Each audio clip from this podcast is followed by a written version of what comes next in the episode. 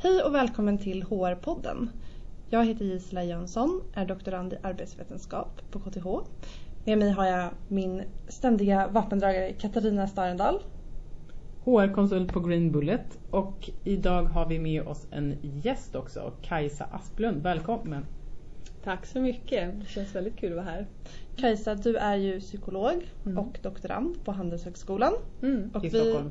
I Stockholm, bra poäng. Eh, och vi har bjudit hit dig här idag för att prata om talent management. Mm. Och det har vi gjort bland annat för att du och dina kollegor har släppt en liten rapport mm. som handlar om talent management. Mm. Eh, tre strategier för talent management är rubriken här i personal och ledarskap mm. som var, mm. har skrivit om er. Men vi tänkte att du helt enkelt kan väl inleda med att berätta lite om er forskning, vad ni har gjort och vad ni kom fram till. Ja, absolut. Ehm, vi är då ett ganska litet forskningsteam här på eh, managementinstitutionen kan man säga på Handelshögskolan. Det är jag och så är det professor Andreas Werr och så är det docent Pernilla Bolander.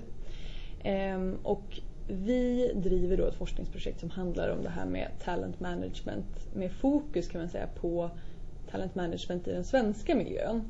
Eh, eftersom vi misstänker att det bör finnas skillnader i hur man liksom utövar talent management i en svensk eller nordisk kontext jämfört med till exempel en amerikansk där ju kanske mesta delen av forskningen kommer ifrån. Då. Ehm, så att vi ville börja undersöka det här. Det har inte gjorts så mycket alls egentligen på det området. Ehm, så att vi tänkte att vi börjar brett. Eh, vi vill liksom suga in så mycket data som möjligt på hur, hur ser man på det här med talang i svenska organisationer idag? Hur ser man på, på talent management? Vad är, vad är det i svenska organisationer? Så att vi har alltså gjort en intervjustudie då, där vi har intervjuat ett eh, 50-tal personer då, i runt 30 olika organisationer. Ehm, ganska varierande branscher.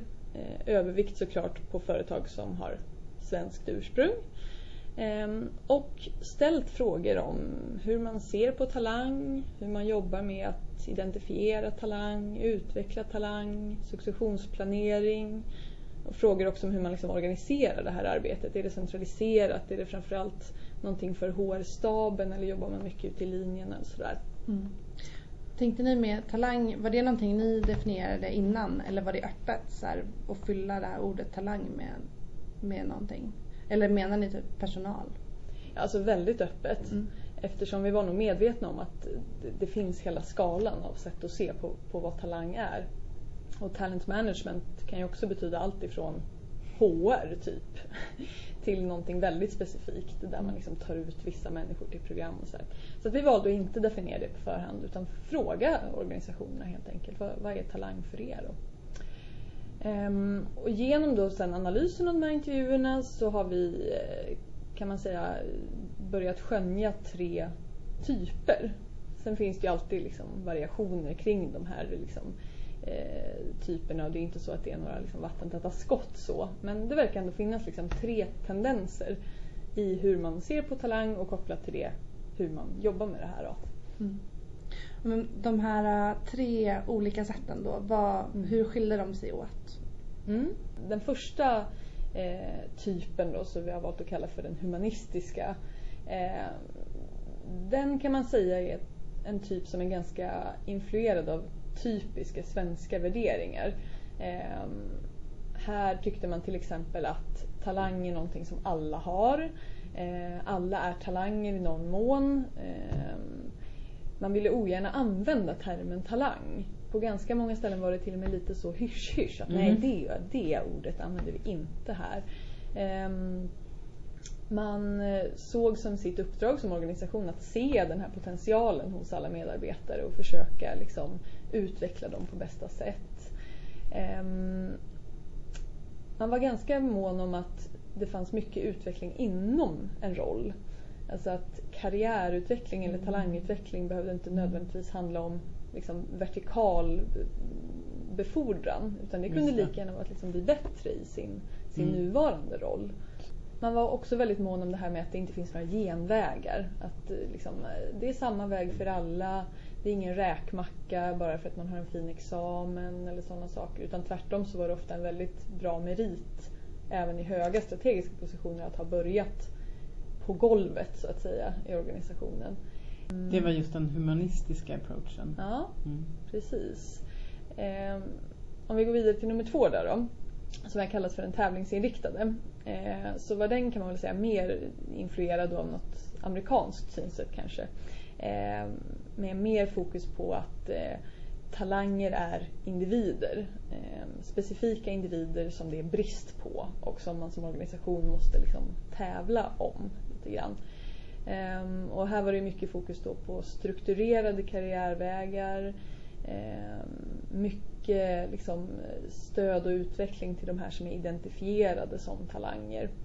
Och också mycket fokus på att få till en väldigt strukturerad, centraliserad process för den här iden- identifieringen. Då. Eh, där man satt i väldigt mycket möten med chefer. Man gjorde väldigt noggranna eh, diagram och eh, liksom definitioner av olika nivåer och sådär. Och la ganska mycket tid på att se till att alla bedömde lika. Ehm, där var man nog också mer överlag fokuserad på att talent management skulle vara väldigt nära anknutet till strategin.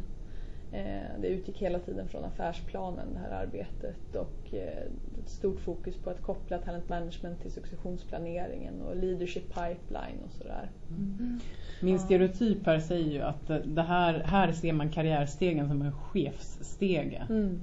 Det, det, det är inte lika mycket kanske specialistroll då där man gör karriär på vad säger man, horisonten och inte bara vertikalen. Utan det, det känns som, här blir man chef.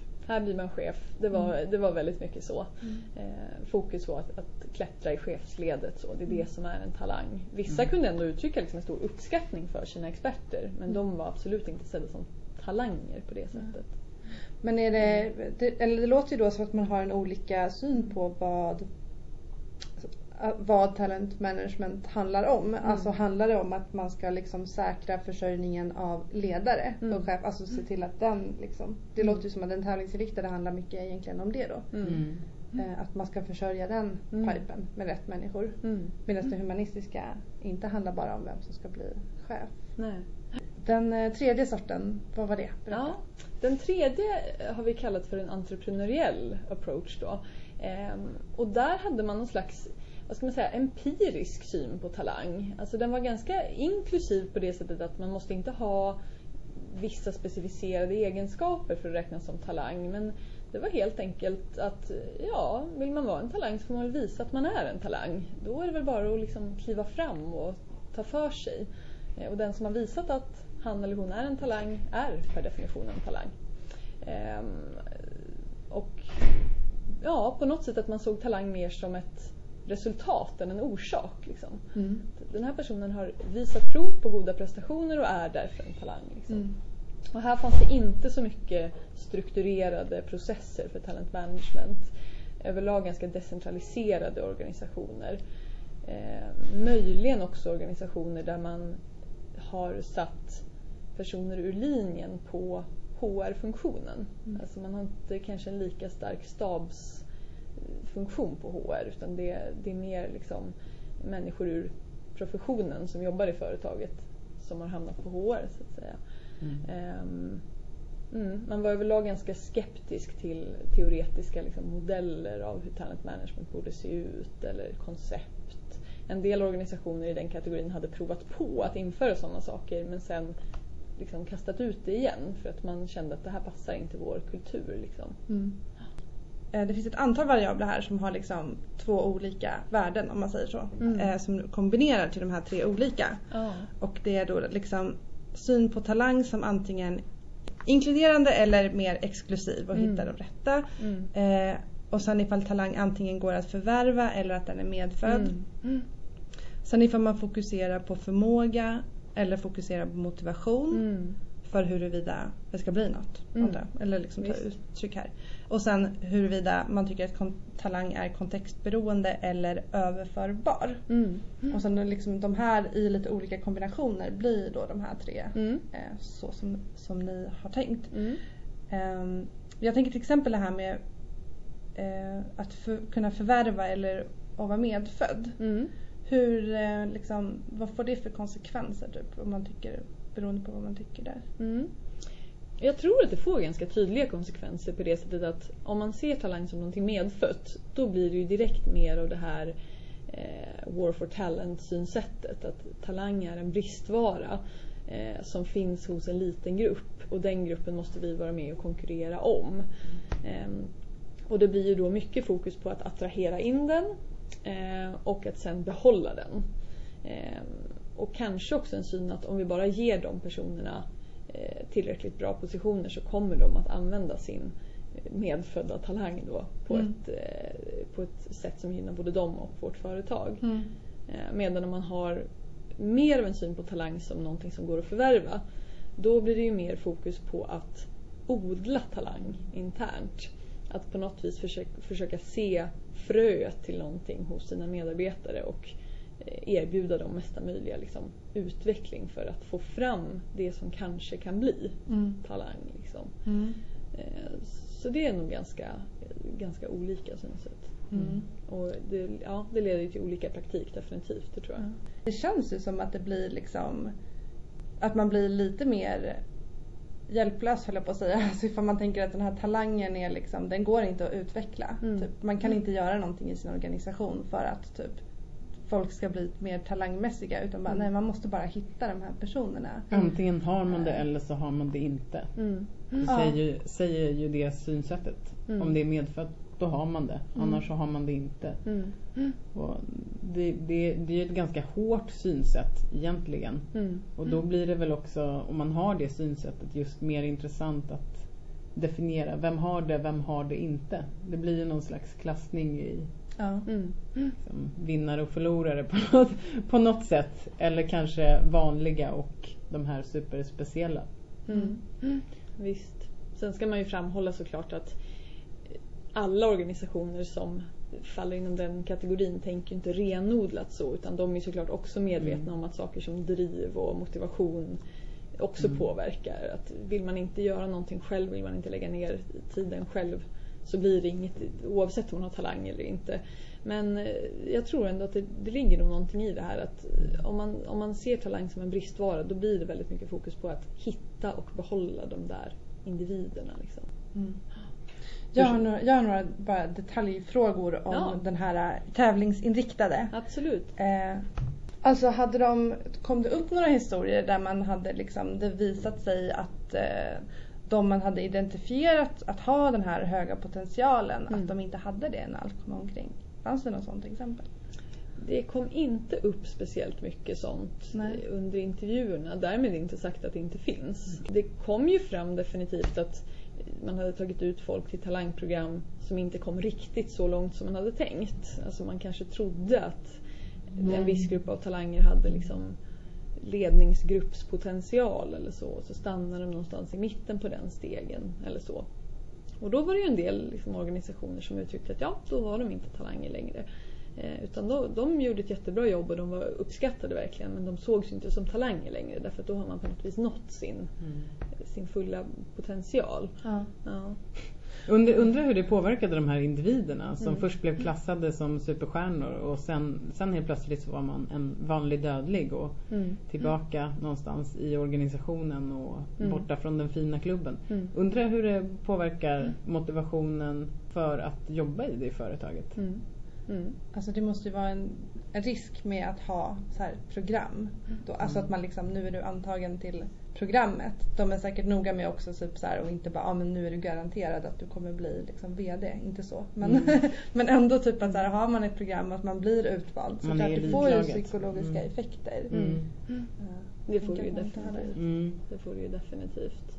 Och liksom på den positiva sidan kan man ju säga då att de här personerna som blev uttagna och stannade någonstans i stegen kanske ändå kom längre än vad de hade gjort om de inte hade tagits ut som talanger. Mm. Eh, Men det, det fanns liksom genomgående ett tydligt perspektiv i de här tävlingsinriktade organisationerna att talanger är på väg uppåt. Mm. Eh, Och så fort man inte är på väg uppåt längre, då Mm. är man inte heller längre talang. Mm. Mm. Ja, det är väldigt intressant just de här synsätten som ligger i grunden för Mm. hur man ser på talang och, och hur, hur det påverkar. Allt från hur man utformar de här programmen till ja, vilka psykologiska effekter det har på de anställda. Mm. Jag tänker också alla de här som inte blir klassade, som inte blir klassade som de här superstjärnorna. Mm. Och hur påverkar det dem då? När man, Mm. Om man befinner sig i ett sånt bolag som är väldigt, väldigt tävlingsinriktat och Mm. sen, sen är man inte en av de där stjärnorna. Mm. Det är ju en fråga som jag är väldigt intresserad av i min forskning Mm. eh, och som nog kommer bli fokus för mycket av det jag gör framöver. Eh, det har ju faktiskt börjat komma vissa studier nu. Det är verkligen ingen liksom eh, enhetlig bild än så länge men det har börjat komma en del studier som tyder på att det skulle kunna finnas neg- tydliga negativa effekter för de som inte blir utsedda i sådana här liksom, talang eller high potential program då. Eh, och kanske speciellt för de som hade förväntat sig att de skulle bli det. Eh, det kom en studie här förra året då som visade att den negativa effekten på engagemang och motivation var större än den positiva effekten eh, på de som blev utsedda. Eh, och det verkade framförallt bero på skillnaden i utvecklingsmöjligheter, inte så mycket i skillnaden på lön. Mm. Och det är ju ett intressant fynd. Mm. Sen finns det ju andra studier såklart som har visat att det, det verkar finnas liksom en hel del positiva effekter för de som blir utsedda. Men jag tror att det behövs mycket mer forskning på vad händer med de som inte blir det. Mm. Mm. Vad var det för negativa konsekvenser som ni såg? Vad, vad, på vilket sätt blev det negativt? Ja, vi har inte sett utan Nej, det här är en, en studie från, Mm. eh, från Nederländerna tror jag det är. Nej, men det är ju det här med att man eh, ser försämringar i eh, employee satisfaction och eh, engagemang för företaget och motivation att göra bra ifrån sig och sådär. Mm. Och en faktor där som man tror att det där sambandet kan verka genom är ju det här med upplevd rättvisa i organisationen.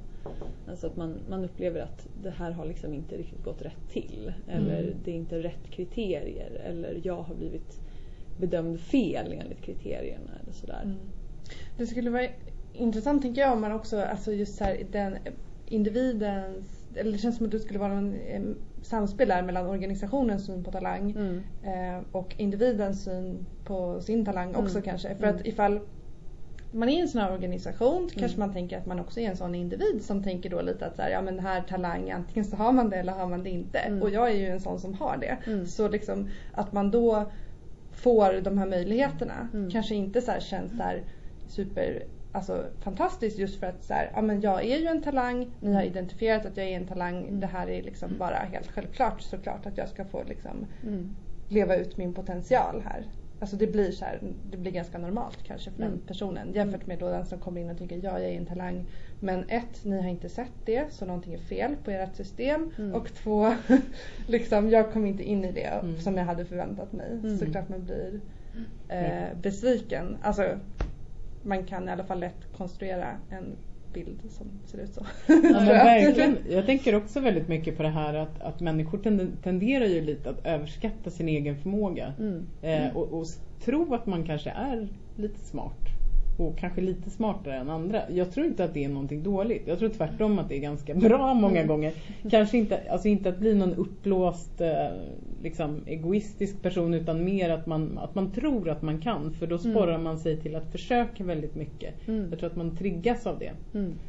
Eh, Så att om man bara säger det rakt av implicit till alla i organisationen eller de allra flesta som inte är de här superstjärnorna att ja Mm. men ni är ju bara vanliga dödliga. Mm. Ni är ju inga speciella. Mm. Att få det till sig, det, det skulle inte kännas kul. Nej. Precis, nej men det kan man ju verkligen tänka sig. Ja. Och det, det är liksom system då som, eh, som kanske skulle fungera eh, enligt ja, psykologisk forskning och sådär. Det är ju om man då har kriterierna väldigt tydligt definierade i liksom objektiva termer. För att komma med i vårt talangprogram, då ska du kunna de här sakerna, du ska ha de här beteendena, du ska leva efter våra värderingar på de här sätten. Eh, nu uppfyller du de här, de här kriterierna. Om du vill komma med i talangprogrammet, då krävs det här till nästa gång. Det skulle ju vara liksom i enlighet med Mm. goal setting theory och liksom idéer från beteendepsykologin om feedback och mål och sådär. Så om systemet såg ut så, då skulle man ju kunna argumentera för att ja, men det här sporrar även de som inte kommer med. Mm. Därför att de får tydlig feedback på vad de behöver göra Mm. för att komma med. Mm. Ehm, Å andra sidan kan man ju då argumentera för att ja, men ett high potential program är per definition exklusivt. Om alla blir lite bättre för att alla tar till sig av feedbacken då är det ändå bara de yttersta procenten som kommer med. Mm. Så det är ju komplicerat det här. Mm. Liksom. Ja. Mm. Jag min har en annan idé om hyperperformers. Ja. Eller som också tar upp den här distinktionen. Vissa säger att det är mer kontextberoende och andra Mm. att det är mer överförbart. Mm. Och eh, jag tänker det finns ju en ganska känd tror jag, studie eller liksom här av han eh, Groisberg, du Mm. känner säkert till den. Mm. De, när de har undersökt om det är någon slags finans eh, börsmäklare Precis. eller någonting sånt. Där man kollar på då, man tänker, ja, men kan, man, kan man ta med sig Mm. high performance egentligen Mm. eh, till en annan arbetsgivare? Och det, för det är väl egentligen det man vill ha som arbetsgivare då när man anställer en star. Det man Mm. vill är ju att den här high performing grejen ska följa med. Mm. Liksom.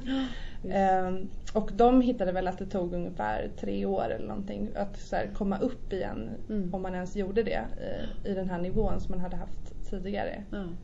Alla, framförallt för män tror jag att det tog lite längre tid Mm. än för kvinnor av någon anledning. Mm. Ehm, och det, det han ville väl mena då var väl att, så här, att det är mycket mer kontextberoende än vad man tror. Även om det är att så här, en individ utmärker sig som en superperformer så är det liksom, det, det finns ändå massa saker runt omkring Mm. i organisationen eller i deras personliga nätverk eller liksom kompetensväven Mm. på organis- organisationen som, som bidrar till att ändå den här individen blir en star performer. Ja. Och det tycker jag är så himla intressant och jag tror att det är så här. Det tror jag är en grej som vore coolt ifall Mm. man som forskare kunde komma på också så här lite typ hur fångar man upp det där då runt Ja. omkring liksom. Alltså hur märker man att så här, det här liksom innan kossan är ur båset så att Mm. säga att så här, Mm. det här är en person som är en super enabler typ i Ja. organisationen. Typ. Den här personen gör alla andra mycket bättre Ja. men det syns inte på dens egen eh, dens egen liksom, performance men. Mm. de gör andra bättre. Mm. Eh, Skapar ett superteam ja, till exempel. Precis. Mm. och sen kan det ju vara att det inte ens ligger i individen utan att det verkligen ligger i Mm. typ så här, Mm. deras interaktion typ, Mm. med varandra. Visst. Har du något, liksom, vet du någonting om hur man mäter något sånt? Var det någon utav de här som sa någonting sånt? Ja, vissa av dem, speciellt kanske i den humanistiska approachen, pratar ju en del om det där. Mm. Att, eh, att det är viktigt att eh, se att en person kan vara viktig, inte bara för sig själv utan för gruppen. Liksom. Mm. Jag som kommer från, från psykologihållet och kanske framförallt lite från OBM och alltså, eh, beteendepsykologin så vill ju gärna lyfta fram liksom, vikten av chefer som är närvarande för att se medarbetares beteenden. Mm. Ehm, Alltså, Mm. Det är väl någon slags generell, eh, generellt problem att chefers tid upptas ju väldigt mycket av möten och väldigt mycket av eh, kommunikation, både muntligt och skriftligt. Och, eh, och det finns ju liksom en, en oerhörd mängd forskning som visar att chefer som är eh, närvarande för att se medarbetarnas beteenden och följa upp de beteendena tätt i tiden eh, de är ju bättre chefer. Mm. Eh, därför att de har möjlighet att ge mycket mer konkret feedback i mycket kortare, liksom, snabbare loopar. Mm. Ehm, och det tror jag verkligen också skulle ge möjlighet att liksom plocka upp sådana här saker mycket bättre. Mm. Så att man ser de här interaktionerna, man ser att en individ gör saker för den här gruppen som inte syns på Mm. hans eller hennes individuella performance. Liksom. Mm. Superviktiga Mm. för gruppen. Mm. Så jag, jag tror Jättekul. Det där måste det. jag koppla till lite agila arbetssätt. Ja. Där jobbar man ju väldigt mycket, väldigt starkt fokus på teamen. Ja. Man jobbar i tvärfunktionella team där, där man jobbar med kontinuerlig feedback och göra arbetet transparent. Mm. Eh, Och där chefen är någon slags, eh, har en annan roll. Där man inte säger till folk vad de ska göra utan eh, skapar förutsättningar för teamen att nå sina mål Ja. mer. Men där skapar man ju verkligen förutsättningar för det här som du pratar om. Ja.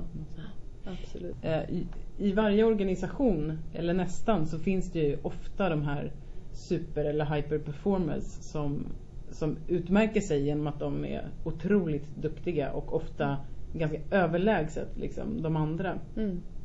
Jag skulle vilja koppla det till den här synen på eh, talang. Alltså om man ser det som Mm. medfödd eller om man ser det som någonting man lär sig Mm. och kan, att, kan, att man kan utvecklas inom det. Mm. Eh, även till en artikel om Josh Bersin som han har skrivit om The Myth of the Bell Curve, alltså Mm. myten om normalfördelningskurvan. Mm. Eh, ofta så finns det ett grundantagande eh, bland alla som jobbar med det här att det finns någon slags normalfördelning i talang. Att den utgår från normalfördelningskurvan där man har några superperformers och, och några eh, då, liksom dåliga presterare och så de allra flesta är liksom där i mitten någonstans. Mm. Eh, medan Josh Bersin visar i den här artikeln att det finns forskning som pekar på att det inte alls stämmer utan det är ingen normalfördelning utan det är snarare en kurva, nu kommer inte jag ihåg vad den heter för någonting.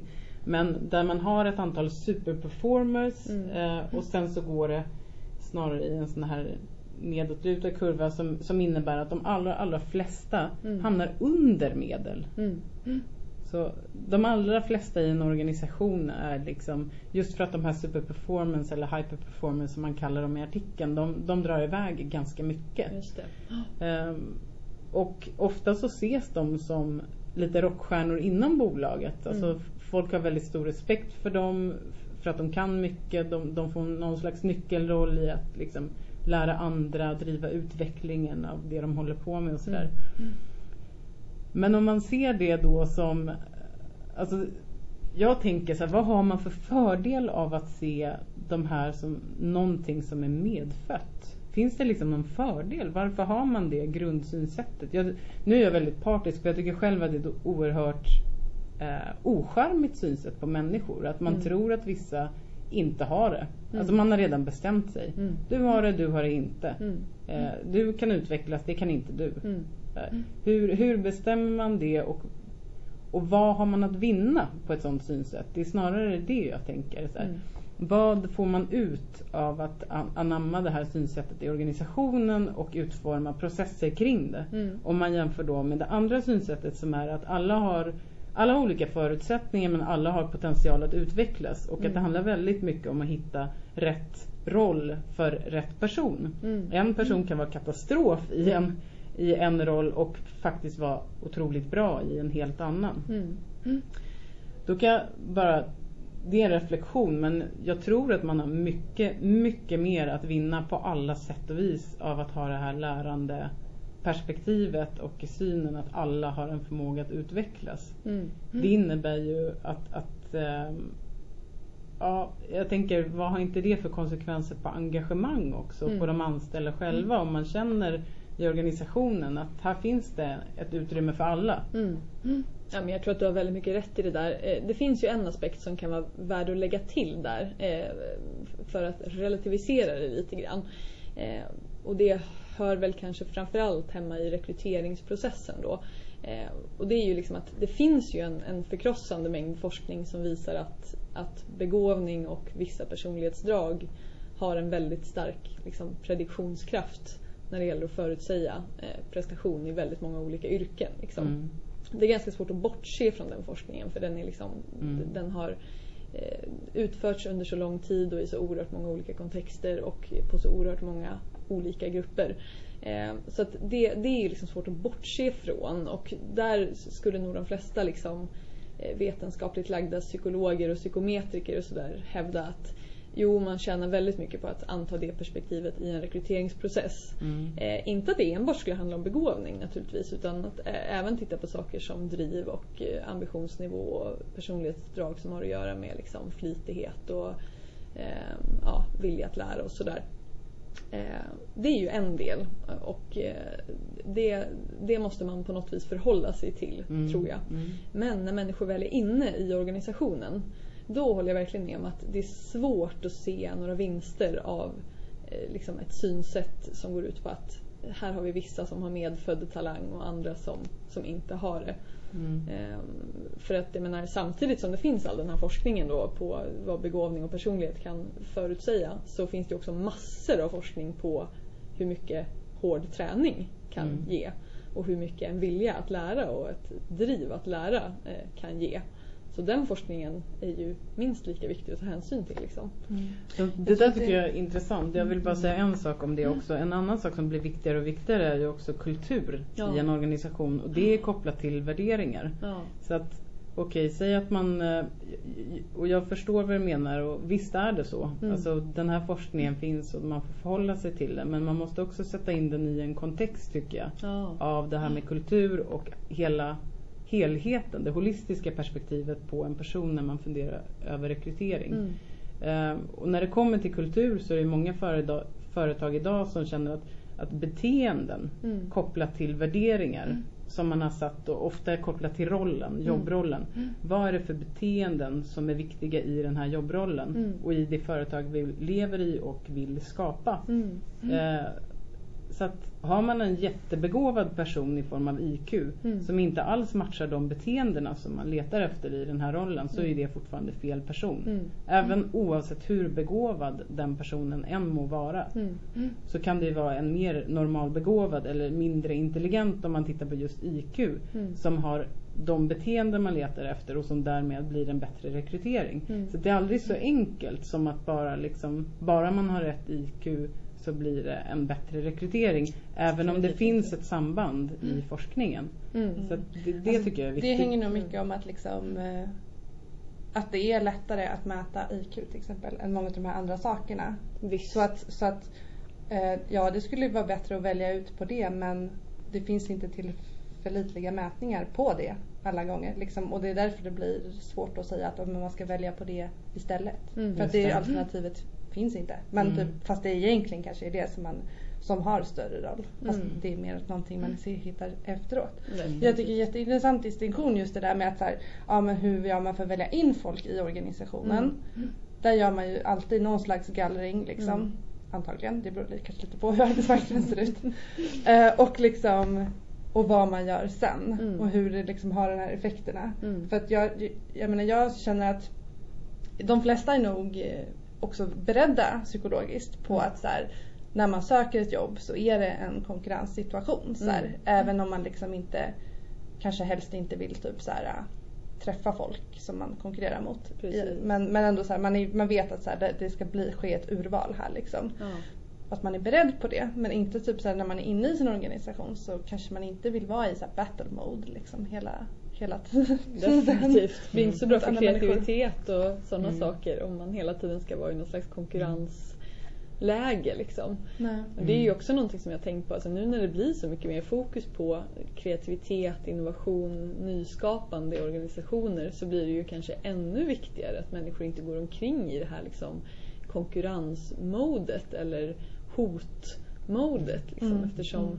De processerna är mycket, mycket svårare att få, Mm. få i spel Mm. om, eh, om folk omkring och är rädda. Liksom. Mm. Men där tror, där tror jag att man måste och jag vet inte i vilken mån man tycker att det ingår i det här med talent management. Mm. Eller om det är någonting som går lite utanför. För det känns som att talent management ändå handlar mycket liksom om, för att, eh, vad var det jag skulle säga? Att jag tänker att organisationen måste verkligen ta eh, ett ansvar där Mm. i det. Alltså Mm. att inte, man kan inte bara säga till folk men nu ska ni inte, nu ska ni inte känna så här längre. Alltså, och ändå så Absolut. gör man på ett sätt. För som jag känner lite då med den tävlings eh. Alltså om man tänker vad vinner man på att ha den här synen? Mm. Och det känns lite som att det man vinner på det är ju då att man eh, man slipper ändra sin organisation. liksom, alltså man slipper tänka så här, ja men det är hur vi organiserar oss och hur vi organiserar arbetet. Det är det som avgör eh, hur bra folk presterar till exempel. Det kräver ju en helt annan sorts förändringar än att så här, vi ska bara in i en liten process, det vill säga den här urvalsrekryteringsprocessen och ändra någonting där. Mm. Och då så kommer allting att liksom bli bättre. Eh, jag, jag kan förstå så här, det som är attraktivt med att tänka typ att så här, det som styr det här, liksom, det kan vi enkelt gå in och ändra i en liten process som inte så direkt är avhängig någonting annat utan man kan gå in och liksom byta ut en legobit typ så här, när man har hittat ett bättre mätvärde. Jämfört med att tänka så här, ja men våran företagskultur är helt fel och det är därför det blir så här typ och nu måste vi ändra den. Mm. Eh, inte för att man inte försöker sig på sånt men Mm. det är ett större projekt. Mm. Jag tycker att det är jättespännande precis det här som du tog upp tidigare också Kajsa, där kopplat till utmaningarna i våran tid Mm. i arbetslivet som handlar väldigt mycket om innovation och kreativitet. Mm. I, om vi nu pratar om kunskaps... Alltså det, de flesta jobbar ju med kunskap idag. Allting, har blivit, allting blir mer komplext. Mm. Ehm, tekniken utvecklas. Vi, vi eh, står inför massa förändringar hela tiden. Det kommer saker som förändrar marknader Mm. eh, som gör att vi måste hela tiden hänga med Mm. på något sätt och försöka ligga i framkant av någonting som vi inte riktigt vet vad som väntar där i framtiden. Eh, och vad, liksom när man jobbar i de här komplexa miljöerna Mm. då är det ju teamen. Det är ju sällan en person som skapar någonting. Det, det har vi väldigt mycket gått ifrån idag. Utan idag är det team som tillsammans skapar framgång Mm. och resultat. Mm. Eh, och någonstans så är det ju organisationens och affärsmålen då Mm. som är, det är det man vill uppnå och det är ju en gemensam kraftansträngning. Mm. Att man jobbar hela organisationen åt samma håll och mot samma riktning. Mm. Och de här, alltså hur man jobbar med performance management påverkar ju beteenden hos individer. Ja. Och de processerna kan styra väldigt mycket mot en individualisering Mm. Eh, som, som kan skapa också negativa, rent av skadliga beteenden. Mm. Till exempel att man blir protektionistisk, att man inte vill dela med sig av kunskap, Mm. att man vill eh, hålla saker så mycket som möjligt för sig själv för att Mm. man har bonussystem som gynnar det. Visst. Eller olika sådana här. Så att det känns som att det går lite på tvären med den utvecklingen som, som jag tycker mig se i världen. Liksom. Det Mm. här Ehm, ja, det känns som att det som gäller idag för att bli framgångsrik är mycket mer teamarbete, ehm, samarbete, Mm. eh, transparens. Man delar på kunskap, försöker tillsammans bli bättre Mm. och tillsammans nå mål. Definitivt. Alltså, eh, det är ju någon, eh, någon författare k- av kreativitetsböcker som brukar säga att eh, all the low hanging fruit is gone. alltså alla de enkla kreativa lösningarna eh, har redan liksom eh, exploaterats. Eh, och de kreativa lösningar som krävs liksom i dagens komplexa kunskapssamhälle de krävs det nästan alltid ett team för att lösa. Liksom. Så att det är verkligen någonting som jag tycker också att man borde titta på mer. Alltså, går, det på något vis att titta på teams talang? Mm. Eh, kan man använda någon form av liksom grupp eh, effektivitetsmått för att titta på det? Och behöver man se över liksom incitamentstrukturer och sådana saker? Eh, och också sådana saker som om man har ett väldigt välfungerande team Mm. men där en eller två ses som talanger, vad, vad händer då? Ska man då liksom välja att bryta upp ett väldigt välfungerande team för att någon eller ett par ska gå vidare till någon form av talanginitiativ? Alltså det kommer, många, det kommer in många svåra frågor där. Mm. Jag tror ju verkligen att så här en, hård, en hård valuta i framtiden kommer att bli välfungerande team Ja. Mm. som är så liksom inkörda och så liksom eh, intunade att de kan åstadkomma väldigt mycket på relativt kort tid och sådär. Alltså den, den, hela idén om att man ska vara en individuell talang, att man ska ha en individuell lön, Mm. att man ska, alltså alla de sakerna egentligen Mm.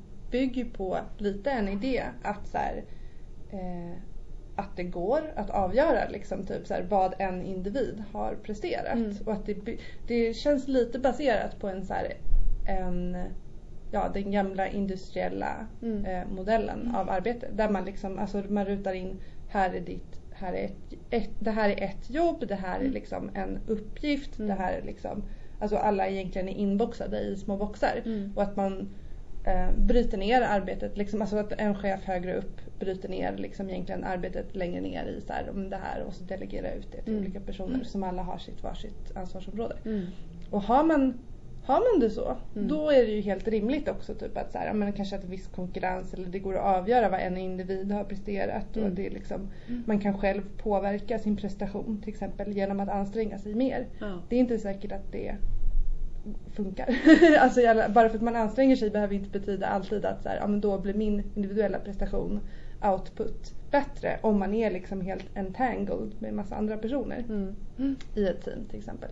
Det är är så, jag menar inte att man inte ska anstränga sig men jag menar att man själv kan kanske inte styra liksom, över outputen så mycket. Precis, det kanske skulle behövas en kombination av incitament för individuell prestation och gruppprestation på något Mm. sätt. Mm. Eh, vad vet man? Så skulle det nog kunna vara. Mm.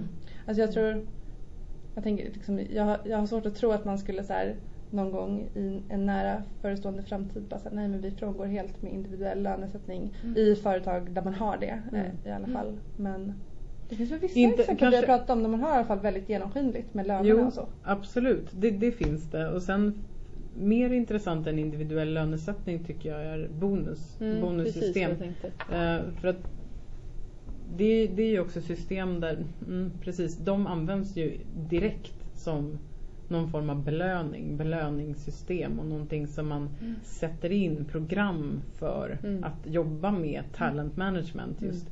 Lön är någonting som alla får och man måste ha någon form av modell. Och, ja, där kan man ha olika. Och jag tror att det är viktigt med den här rättvisaspekten som vi har pratat om tidigare och att det finns någon form av system för det. Mm. Eh, Men just bonussystem och sådana typer av belöningssystem det, det tycker jag är väldigt intressant Mm. att koppla till det här. Eh, Och som vi har pratat om, ja, inte just här i podden men tidigare att det finns ju mycket forskning, eller det finns ju forskning också som visar att bonussystem funkar jättebra för repetitiva Alltså individuella bonusar kan funka jättebra eh, för repetitiva uppgifter som inte kräver någon form egentligen av tankeverksamhet. Så Mm. om man kopplar till det du sa Gisela, absolut när man liksom levde i Taylor-tiden och det var löpande band-principen som gällde och man skulle kanske producera x antal skruvar Mm. eh, per dag och, och det var exakt samma arbetsmoment man utförde så det krävde ingenting mer än att man repeterar, repeterar, repeterar. Där har det ju visat sig fungera Mm.